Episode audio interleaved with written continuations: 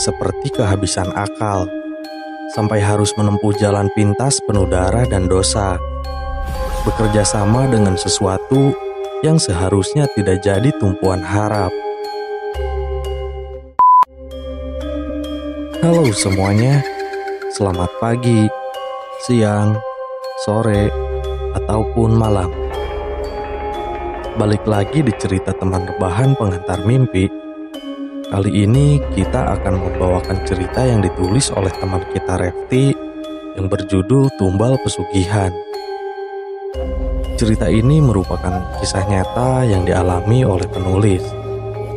So, tanpa berlama-lama lagi, untuk kalian yang suka cerita horor, silahkan pasang headset, enakin posisi rebahan kalian, kencangkan volumenya, dan selamat berimajinasi.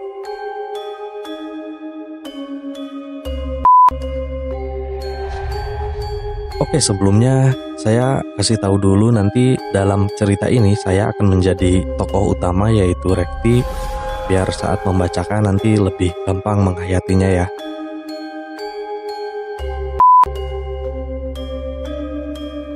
Aku Rekti, umurku 27 tahun. Aku akan bercerita tentang peristiwa seram yang aku alami tujuh tahun lalu. Ketika itu, umurku masih 20 tahun. Waktu itu tahun 2013. Ketika itu aku tinggal di Malang, di rumah Tante Mai. Tante Mai adalah adik bapakku yang nomor empat dari tujuh bersaudara. Beliau tinggal di Malang karena memang bersama suaminya punya usaha di kota apel itu. Suami Tante Mai Om Roy lebih sering keluar kota dalam rangka mengurus bisnis yang digelutinya. Jadi, praktis hanya ada aku, Tante Mai, dan Rifka, anak laki-laki Tante Mai, serta tiga orang asisten yang membantu mengurus rumah dan segala keperluannya. Kami hanya tinggal berenam di rumah besar nan mewah ini. Tante Mai dan keluarga menempati rumah yang menurutku sangat besar dan mewah. Rumah dua lantai, memiliki delapan kamar besar, perabotan mahal mengisi setiap sudut ruangan di rumah ini. Rumah ini juga berdiri di atas tanah yang sangat luas, nyaris satu hektar. Karena itulah halaman dan pekarangan yang dimiliki jadi sangat luas juga kolam renang besar menghiasi halaman belakang. Panas matahari tidak gampang menembus sampai permukaan air karena beberapa pohon besar dan rindang berdiri di sekelilingnya. Jadi, aku yang hanya seorang putri dari pemilik warung kelontongan di Jogja, seperti tinggal di istana raja. Lalu, kenapa aku bisa tinggal di rumah itu? Kenapa bisa tinggal di rumah keluarga Tante Mai? Begini ceritanya. Setelah lulus SMA di Jogja, aku sempat menganggur hampir setahun. Kok nggak kuliah? Bapak belum cukup punya uang untuk biayanya.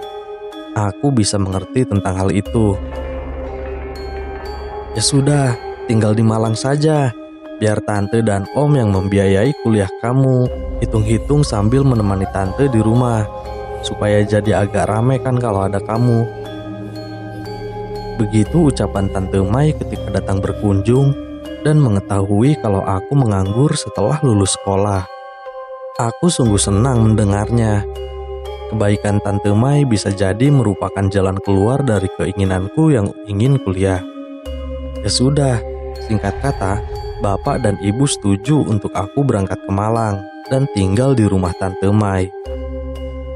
Hingga akhirnya, sekitar awal tahun 2013, aku mulai hidup di kota Malang. Kota besar yang sama sekali belum pernah aku kunjungi sebelumnya. Aku akan bercerita sedikit tentang keluarga Tante Mai. Yang aku ingat, Tante Mai dan Om Roy menikah pada pertengahan tahun 90-an. Sebelumnya mereka adalah teman sekolah. Pernikahan mereka dikaruniai dua orang anak, Mala dan Rifka.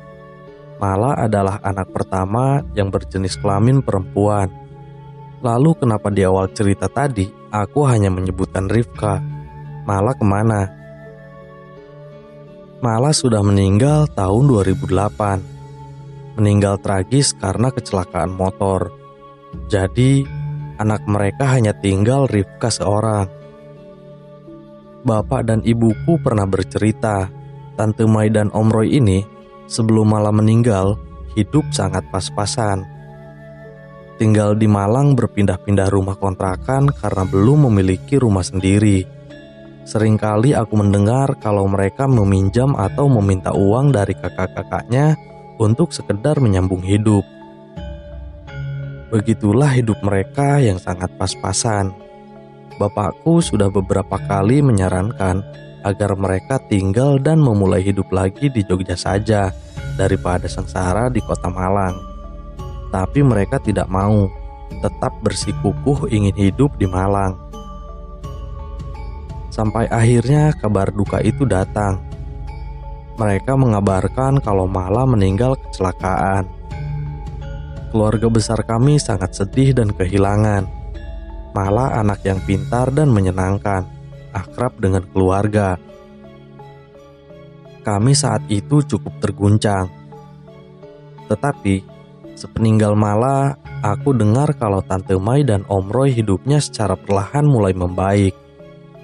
Kata bapak, usaha yang mereka rintis mulai banyak membuahkan hasil. Pelan-pelan mereka bisa melunasi utang-utang dari keluarga maupun orang lain. Yang sebelumnya selalu meminta atau meminjam uang, mereka mulai bisa memberi dan membantu keluarga lainnya. Sampai akhirnya pada tahun 2010, mereka akhirnya mampu memiliki rumah sendiri. Walau itu rumahnya bukanlah rumah mewah yang aku ceritakan di awal tadi. Masih rumah tidak terlalu besar, tapi kata bapak sudah termasuk rumah mahal. Syukurlah kami sekeluarga ikut senang dengan keberhasilan Tante Mai dan Om Roy dalam hal ekonomi keluarga. Bapakku anak pertama dari tujuh bersaudara. Mereka semua lahir dan besar di Jogja, termasuk Tante Mai. Pada tahun 2011, adik bapak yang paling bungsu, Om Seno, terkena PHK di perusahaan tempat dia bekerja. Sejak saat itu, dia menganggur. Ya sudah, Seno ikut aku aja ke Malang, bantu usaha kami, bantu pekerjaan Mas Roy. Daripada nganggur di Jogja, Begitu kata Tante Mai setelah mengetahui kalau Om Seno sudah tidak bekerja lagi. Akhirnya Om Seno berangkat dan tinggal di Malang, membantu usaha yang dijalani Om Roy. Umur kami yang tidak jauh membuat kami layaknya teman dan sahabat. Beliau adalah tempatku bercerita. Tetapi, sekitar enam bulan kemudian, kabar duka kembali datang Om Seno berpulang ke pangkuan ilahi. Dia meninggal mendadak karena kecelakaan kerja. Terjatuh dari atap salah satu pabrik milik Om Roy. Saat itu adalah momen terburuk dalam hidupku. Kehilangan Om tersayang secara mendadak. Aku kehilangan sahabat dekat. Kehilangan tempat bercerita. Kehilangan tempat berkeluh kesah lagi-lagi, kami sekeluarga berduka cukup dalam. Lalu sekitar satu tahun sepeninggal Om Seno, aku mendengar kabar kalau Tante Mai dan Om Roy sudah pindah ke rumah baru. Menurut cerita dari bapak dan adik-adiknya, keluarga mereka pindah ke rumah yang jauh lebih besar, lebih mewah, berdiri di atas tanah yang sangat luas pula yang sebelumnya hanya memiliki satu asisten rumah tangga, kini mereka sudah dibantu oleh tiga asisten. Senang, tentu saja kami semua senang mendengar kalau ada anggota keluarga besar yang sudah sangat sukses dalam hal materi. Yaitu tadi, sampai akhirnya setelah lulus sekolah aku ditawari untuk tinggal di rumah Tante Mai. Ditambah akan dibiayai kuliah aku pun tinggal di Malang. Kamu jangan pernah masuk ke kamar itu ya. Isinya perlengkapan kerja Om Roy. Nanti dia marah kalau ada yang masuk ke ruangan itu. Begitu kata Tante Mai pada satu waktu pada hari pertamaku tinggal di rumahnya. Sebelumnya, aku sudah diajak berkeliling, dikenalkan dengan tiga asisten, dijelaskan tentang seluruh kamar dan ruangan yang ada di dalam rumah tersebut. Kamar yang dimaksud oleh Tante Mai tadi adalah kamar yang ada di lantai atas letaknya di depan sebelah kanan dari kamar yang akan aku tempati nantinya. Pintu kamar itu tertutup rapat dan sepertinya terkunci, karena aku sempat hendak membukanya namun tidak bisa. Ini kamar apa tante? Tanyaku ketika Tante Mai muncul dari belakang. Yaitu tadi jawaban Tante Mai. Katanya itu ruang tempat perlengkapan kerja Om Roy lalu beberapa kali seperti menegaskan kalau aku sama sekali tidak boleh memasukinya. Ya sudah, aku pasti menurut. Tidak akan berani untuk menentang omongan Tante Mai. Kamar yang misterius. Begitu aku menyebutnya. Di rumah Tante Mai, aku disediakan kamar di lantai dua. Kamar besar yang letaknya tidak jauh dari tangga. Persis bersebelahan dengan kamar mandi di dalam kamar sudah tersedia perabot mahal, tempat tidur empuk dan nyaman, lemari besar, tetapi tanpa TV. Kamar yang sangat mewah menurutku. Oh iya, kunci pintu kamar kamu kayaknya masih rusak deh. Tante belum sempat untuk menghubungi tukang untuk memperbaikinya. Selalu lupa. Begitu kata Tante Mai ketika kami sedang di meja makan. Benar adanya, pintu kamarku kuncinya rusak. Bisa tertutup tapi tidak bisa dikunci. Ya sudahlah, tidak apa-apa. Toh di rumah ini terbilang aman. Lagi pula aku terkesan gak sopan kalau selalu mengunci pintu kamar. Hari pertama dihabiskan berkenalan dengan lingkungan rumah serta penghuni lainnya. Hingga tidak terasa akhirnya malam pun tiba. Aku bersama Tante Mai dan Rifka bersantap makan malam di meja makan. Bermacam makanan lezat tersaji di atas meja marmer yang besar yang aku yakin pasti harganya sangat mahal.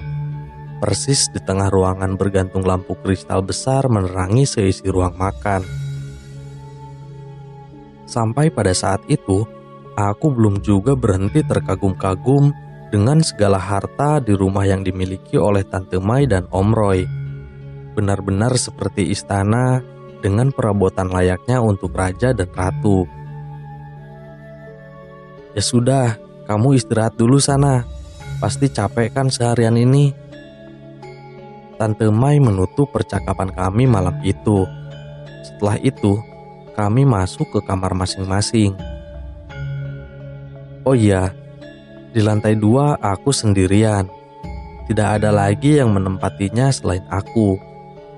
Tante Mai dan Rifka masing-masing kamarnya di lantai satu. Para asisten rumah tangga kamarnya di belakang, terpisah dari bangunan utama. Jam 9 malam aku sudah berada di kamar.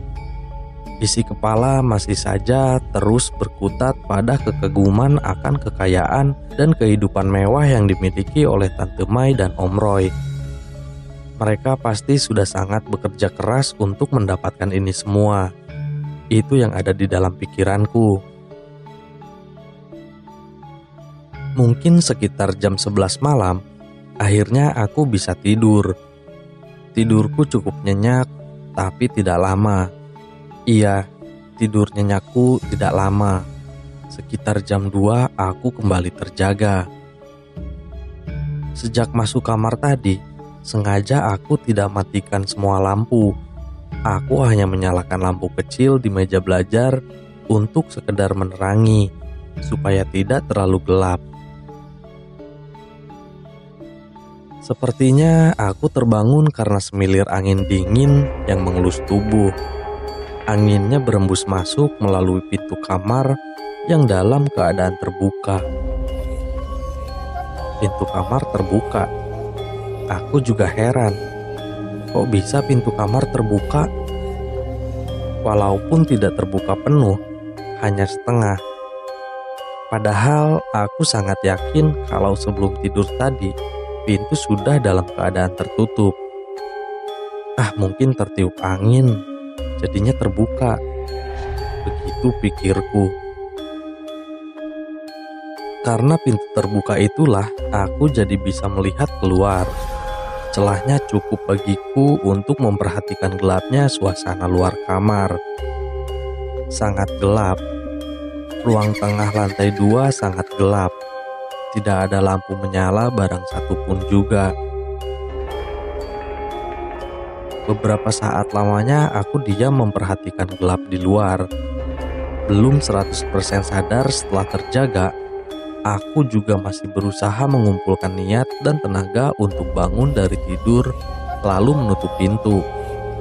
Seiring bergulirnya waktu dan mulai terbiasanya mata melihat dalam remang, aku merasa kalau ada yang mengganggu pandangan. Walau tidak begitu jelas, tapi sepertinya aku melihat ada sosok di ruang tengah. Sosok itu berdiri diam memperhatikanku yang masih terbaring di tempat tidur masih bentuk siluet hitam, tapi aku jelas melihatnya. Siapa itu? Beberapa detik aku terus memperhatikan, sampai kemudian timbul niat mendekati pintu untuk memastikan. Bangun dari tempat tidur, lalu aku berjalan ke pintu.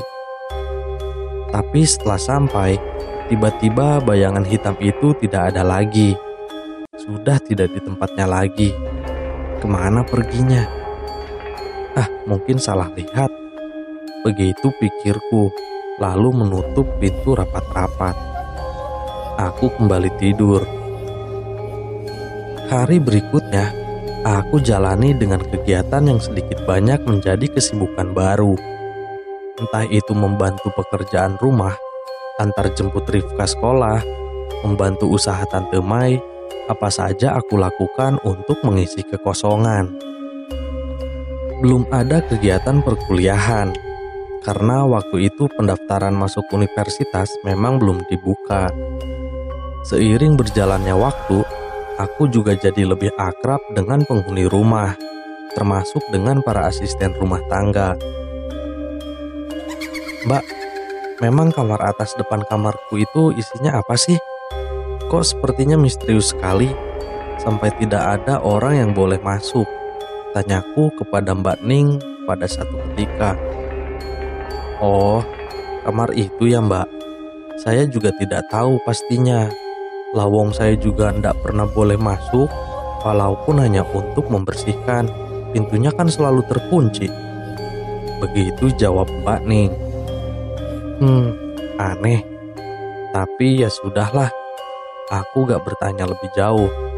Mungkin karena isi kamar itu sangat pribadi bagi Tante Mai dan suaminya. Jujur, selama tinggal di kamar atas, beberapa kali aku mendengar suara-suara aneh. Contohnya, beberapa kali terdengar langkah kaki naik turun tangga. Pernah juga ada suara pintu terbuka, entah pintu yang mana. Yang cukup membuatku merinding Beberapa kali aku melihat ada bayangan hitam tinggi besar melintas lewat depan pintu kamar. Pintu kamar yang tengah malam dalam keadaan terbuka. Padahal aku yakin sudah menutupnya sebelum tidur. Mungkin rumah ini terlalu besar bagi penghuni yang hanya segelintir saja. Jadinya cukup menyeramkan. Begitu pikirku. Tapi Seiring berjalannya waktu, aku berusaha untuk melupakan dan mengabaikan setiap keanehan yang kurasa. Coba untuk sibuk dengan kegiatanku saja. Tetapi ketika sudah hampir tiga bulan tinggal di rumah Tante Mai, walaupun tidak begitu jelas, pada akhirnya aku bisa melihat isi kamar misterius itu. Seperti biasa, Sekitar jam 9 malam aku sudah berada di dalam kamar. Hiburan satu-satunya adalah ponsel kesayangan sambil menunggu kantuk datang. Dapat dipastikan, lampu luar kamar sudah dalam keadaan mati semua. Hanya kamarku saja yang masih terang. Di tengah asiknya berponsel ria, selepas jam 10 aku mendengar sesuatu. Ada suara yang bersumber dari luar. Aku mendengar derit suara pintu terbuka perlahan. Saat itu, aku belum tahu pintu manakah itu, karena ada empat kamar di lantai atas. Ah, mungkin tertiup angin. Begitu pikirku dalam hati. Tapi tiba-tiba terdengar suara lagi. Kali ini sepertinya suara pintu tertutup. Siapa yang keluar masuk salah satu kamar? Setelah itu, aku memutuskan untuk mematikan lampu besar dan membiarkan lampu kecil tetap menyala seperti biasanya. Kamar jadi temaram. Ketika hendak merebahkan tubuh di tempat tidur, lagi-lagi terdengar suara pintu yang terbuka perlahan. Saat itulah timbul rasa penasaran. Aku berniat melihat keluar untuk mengetahui pintu mana yang terbuka. Setelah sudah membuka pintu dan melongok keluar, benar dugaanku. Luar kamar sungguh sangat gelap gulita. Hanya sedikit garisan cahaya dari luar rumah masuk melalui sela-sela jendela yang jadi penerangan. Untuk membantu penglihatan, aku menggunakan lampu dari ponsel yang ada di tangan sejak tadi. Cahaya terang ponsel menyapu setiap sudut ruangan lantai dua yang luas ini. Aku jadi bisa melihat cukup jelas, hening dan kosong. Tentunya itulah pemandangan yang ada di hadapanku. Sampai akhirnya, pandanganku terhenti di salah satu kamar yang pintunya dalam keadaan terbuka. Iya, ternyata kamar yang pintunya terbuka adalah kamar misterius itu. Takut dan penasaran, dua rasa berkecamuk di dalam kepala. Tapi pada akhirnya, penasaran mengalahkan segalanya. Akhirnya aku memutuskan untuk mendatangi kamar itu. Langkahku pelan mendekat, tapi walau semakin dekat, tetap hanya pekat yang terlihat. Sama sekali belum terlihat isi kamar. Sampai akhirnya aku sudah berdiri tepat di depan kamar misterius itu. Pintu tidak terbuka penuh, hanya setengahnya. Lalu perlahan aku mendorongnya sampai terbuka lebar. Ternyata aku belum bisa melihat dengan jelas isi kamar. Masih pekat yang terlihat. Kemudian aku mengarahkan cahaya ponsel ke dalam kamar. Dan pada saat inilah aku dapat melihat semuanya. Yang pertama aku lihat adalah tempat tidur besar berkelambu di sisi kiri. Rangka ranjangnya seperti terbuat dari besi kokoh. Kelambunya yang bagian depan dalam keadaan terbuka, sehingga aku dapat melihat kasur di dalamnya. Di atas kasur bertebaran banyak kuncup bunga. Tidak tahu jenis bunga apa, tapi akhirnya aku tahu dari mana asal wangi bunga yang beberapa kali tercium di lantai atas. Dinding ruangan tertutup seluruhnya dengan kain berwarna hitam. Kain hitam itu juga menutupi atap langit-langit. Di sebelah ranjang ada meja besar yang di atasnya tergeletak banyak benda-benda aneh dan seram. Beberapa di antaranya aku tidak tahu itu benda apa. Ya Tuhan, ruangan apa ini? Aku bergumam dalam hati. Walaupun belum sempat melihat semuanya, tetapi aku sudah berniat untuk kembali ke kamarku saja. Aku mulai takut. Tapi belum juga kaki ini melangkah, tiba-tiba aku mendengar suara. Ada suara seperti menggeram, pelan tapi terdengar jelas. Refleks aku arahkan cahaya ponsel ke sudut kanan kamar, karena menurutku suara itu berasal dari sana. Detik berikutnya, jantungku seperti berhenti berdetak Aku kaget ketakutan. Ya Tuhan, aku melihat ada makhluk hitam tinggi besar sedang berdiri di pojok kamar. Sebegitu tinggi hingga kepalanya nyaris menyentuh langit-langit. Sungguh sosok yang sangat menyeramkan. Melihat itu semua, aku langsung lari menuju kamarku. Setelah sudah di dalam kamar, aku lalu menutup dan berdiri bersandar pada pintu. Karena aku sadar kalau pintu kamarku ini tidak bisa dikunci. Aku mulai menangis pelan ketakutan. Tapi walau begitu, aku masih bisa mendengar suara di luar. Suara pintu yang perlahan tertutup. Aku yakin itu pintu kamar gelap. Setelah itu, semalaman aku duduk bersandar di pintu hingga pagi menjelang. Sejak saat itu, aku menyebut kamar misterius itu dengan sebutan kamar gelap. Hari-hari berlalu, aku terus jalani hidup di rumah Tante Mai. Tante Mai memenuhi janjinya untuk membiayai kuliahku. Sekitar bulan Agustus, aku sudah mulai berkuliah.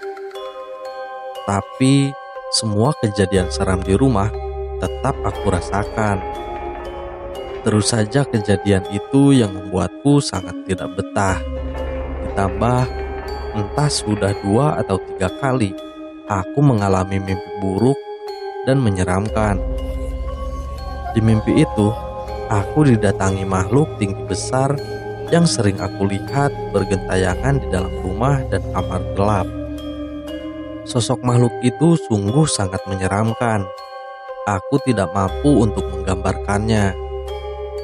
Di dalam mimpi, ketika makhluk itu datang, tubuhku sama sekali tidak bisa bergerak Aku hanya bisa menangis. Kemudian dia meraih tanganku, menyeretku, menarik tubuhku dengan kasar. Lagi-lagi aku hanya bisa berteriak dalam diam, amat sangat ketakutan.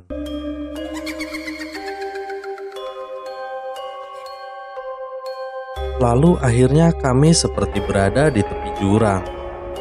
Jurang yang sangat dalam sampai aku tidak bisa melihat dasarnya.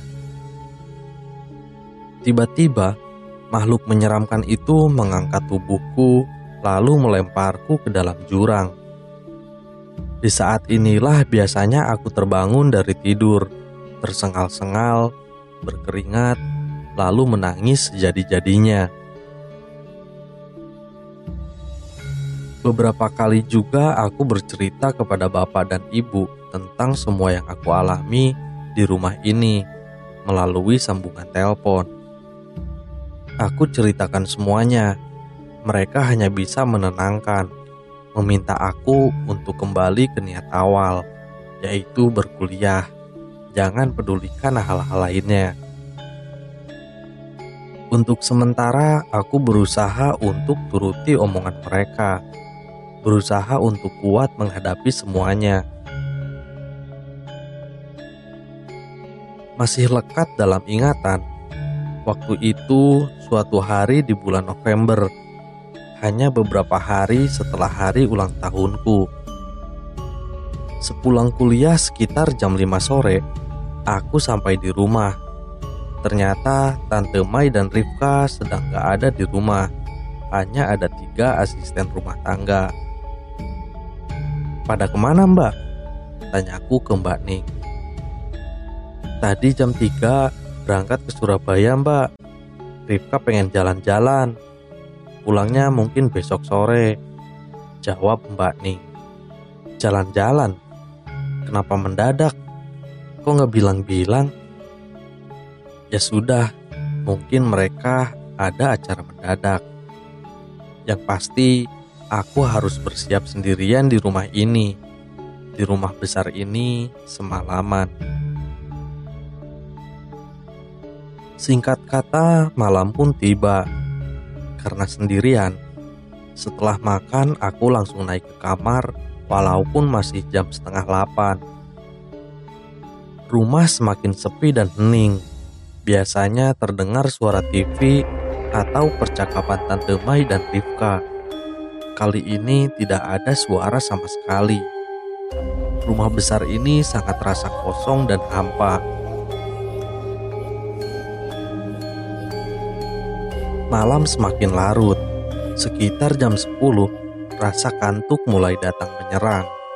Aku yang seharian sudah sangat lelah karena banyak berkegiatan, akhirnya menyerah lalu tertidur lelap. Tetapi tidak lama. Jam satu tengah malam aku terjaga. Lagi-lagi hembusan angin dingin menerpa tubuh membangunkanku.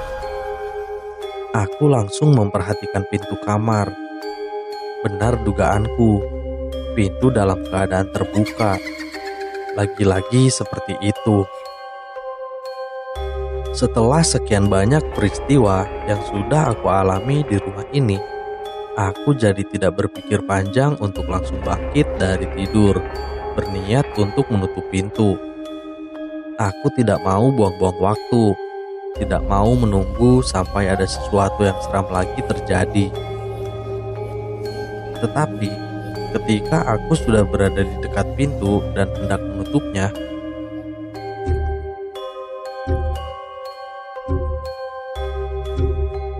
tiba-tiba aku mendengar suara seperti itu. Terkaanku, itu adalah suara pijakan kaki menyentuh ubin lantai suara kaki yang sedang melangkah berjalan. Aku terus diam berdiri, menajamkan pendengaran, coba menebak dari mana suara itu berasal. Dari lantai bawah, aku yakin kalau suara itu berasal dari bawah. Entah apa yang aku pikirkan, aku berjalan pelan menuju teras dalam lantai dua. Dari situ, aku dapat melihat situasi di lantai satu.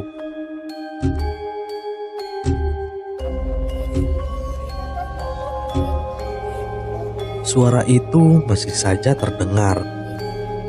Sementara aku masih berdiri di pinggir pagar teras memperhatikan ke bawah. Awalnya aku belum melihat apa-apa karena rumah dalam keadaan gelap gulita hanya sedikit cahaya yang masuk dari luar. Tapi setelah mata sudah terbiasa melihat dalam gelap, akhirnya aku melihat sesuatu. Aku melihat si empunya suara langkah kaki itu. Sesosok makhluk tinggi besar menyeramkan. Dia berjalan menyusuri lantai satu, melangkah pelan menuju tangga tangga besar menuju lantai atas, tempat di mana aku sedang berada. Seketika itu juga tubuhku merinding. Aku ketakutan.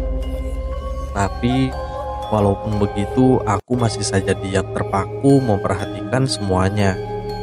Melihat makhluk menyeramkan itu yang akhirnya sampai juga di depan tangga, lalu menaikinya. Dia menuju ke arahku, terus berjalan pelan melangkahkan kakinya di anak tangga satu persatu. Seperti tersadar, aku melangkah mundur, perlahan mendekat ke pintu kamar, lalu memasukinya. Di dalam, aku langsung menutup pintu rapat-rapat, lalu berlari menuju tempat tidur, menaikinya kemudian duduk meringkuk di tempat paling sudut. Aku sangat-sangat ketakutan. Berharap makhluk menyeramkan itu tidak akan masuk. Tapi harapan tinggal harapan, karena aku melihat gagang pintu bergerak-gerak sendiri. Ada yang sedang berusaha untuk membukanya dari luar. Dan benar saja, karena beberapa detik kemudian perlahan pintu mulai terbuka. Di sini aku mulai menangis, tapi tidak mampu berteriak. Ketika pintu sudah terbuka lebar, akhirnya aku melihat sosok makhluk tinggi besar itu. Dia berdiri diam memperhatikan. Aku terpaku, tubuhku kaku, Kemudian dia melangkah masuk. Pada saat inilah aku dapat melihat bentuknya dengan jelas. Sangat-sangat menyeramkan. Tidak mampu lagi aku menggambarkannya. Lalu sosok itu terus mendekat dan semakin mendekat. Seperti mimpi buruk yang jadi nyata, aku rasakan semuanya.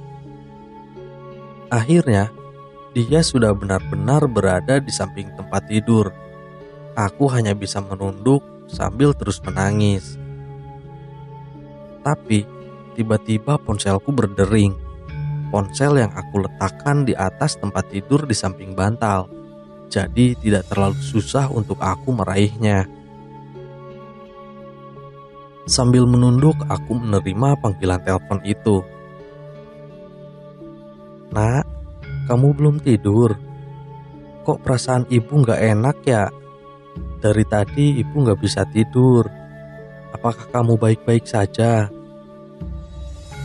Aku mendengar suara ibu di ujung sambungan telepon. Semakin menjadi-jadilah aku menangis. Bu, aku takut. Aku nggak tahan. Aku pengen pulang saja, Bu. Aku takut, Bu. Sambil menangis, aku bilang seperti itu sambil terus menundukkan wajah. Iya, Nak. Kamu pulang saja ya. Kamu pulang. Begitu jawab ibu. Aku terus menangis sambil menceritakan apa yang pernah aku alami dan apa yang sedang berusaha aku lewati malam itu. Syukurlah, setelah itu aku akhirnya berani untuk mengangkat wajah dan melihat seisi kamar. Ternyata makhluk seram itu sudah pergi, tidak ada di kamarku lagi. Aku langsung berdiri lalu menutup pintu. Malam itu, aku ditemani ibu sampai benar-benar bisa tidur. Keesokannya, tiba-tiba bapak datang pada sore hari Aku sangat senang melihat beliau. Langsung aku peluk erat-erat tubuhnya. Pak, aku sudah gak kuat lagi. Aku mau pulang saja, Pak. Tolong bolehkan aku pulang ya, Pak. Ucapku sambil menangis sesegukan. Iya, nak. Bapak juga datang untuk menjemput kamu. Bapak dan ibu sudah tahu semuanya. Ayo kita pulang. Begitu kata bapak. Sore itu juga aku pulang ke Jogja bersama bapak, meninggalkan rumah Malang dengan segala kengeriannya. Terima kasih Tuhan, aku masih diberi kesempatan untuk hidup. Terima kasih aku masih terselamatkan.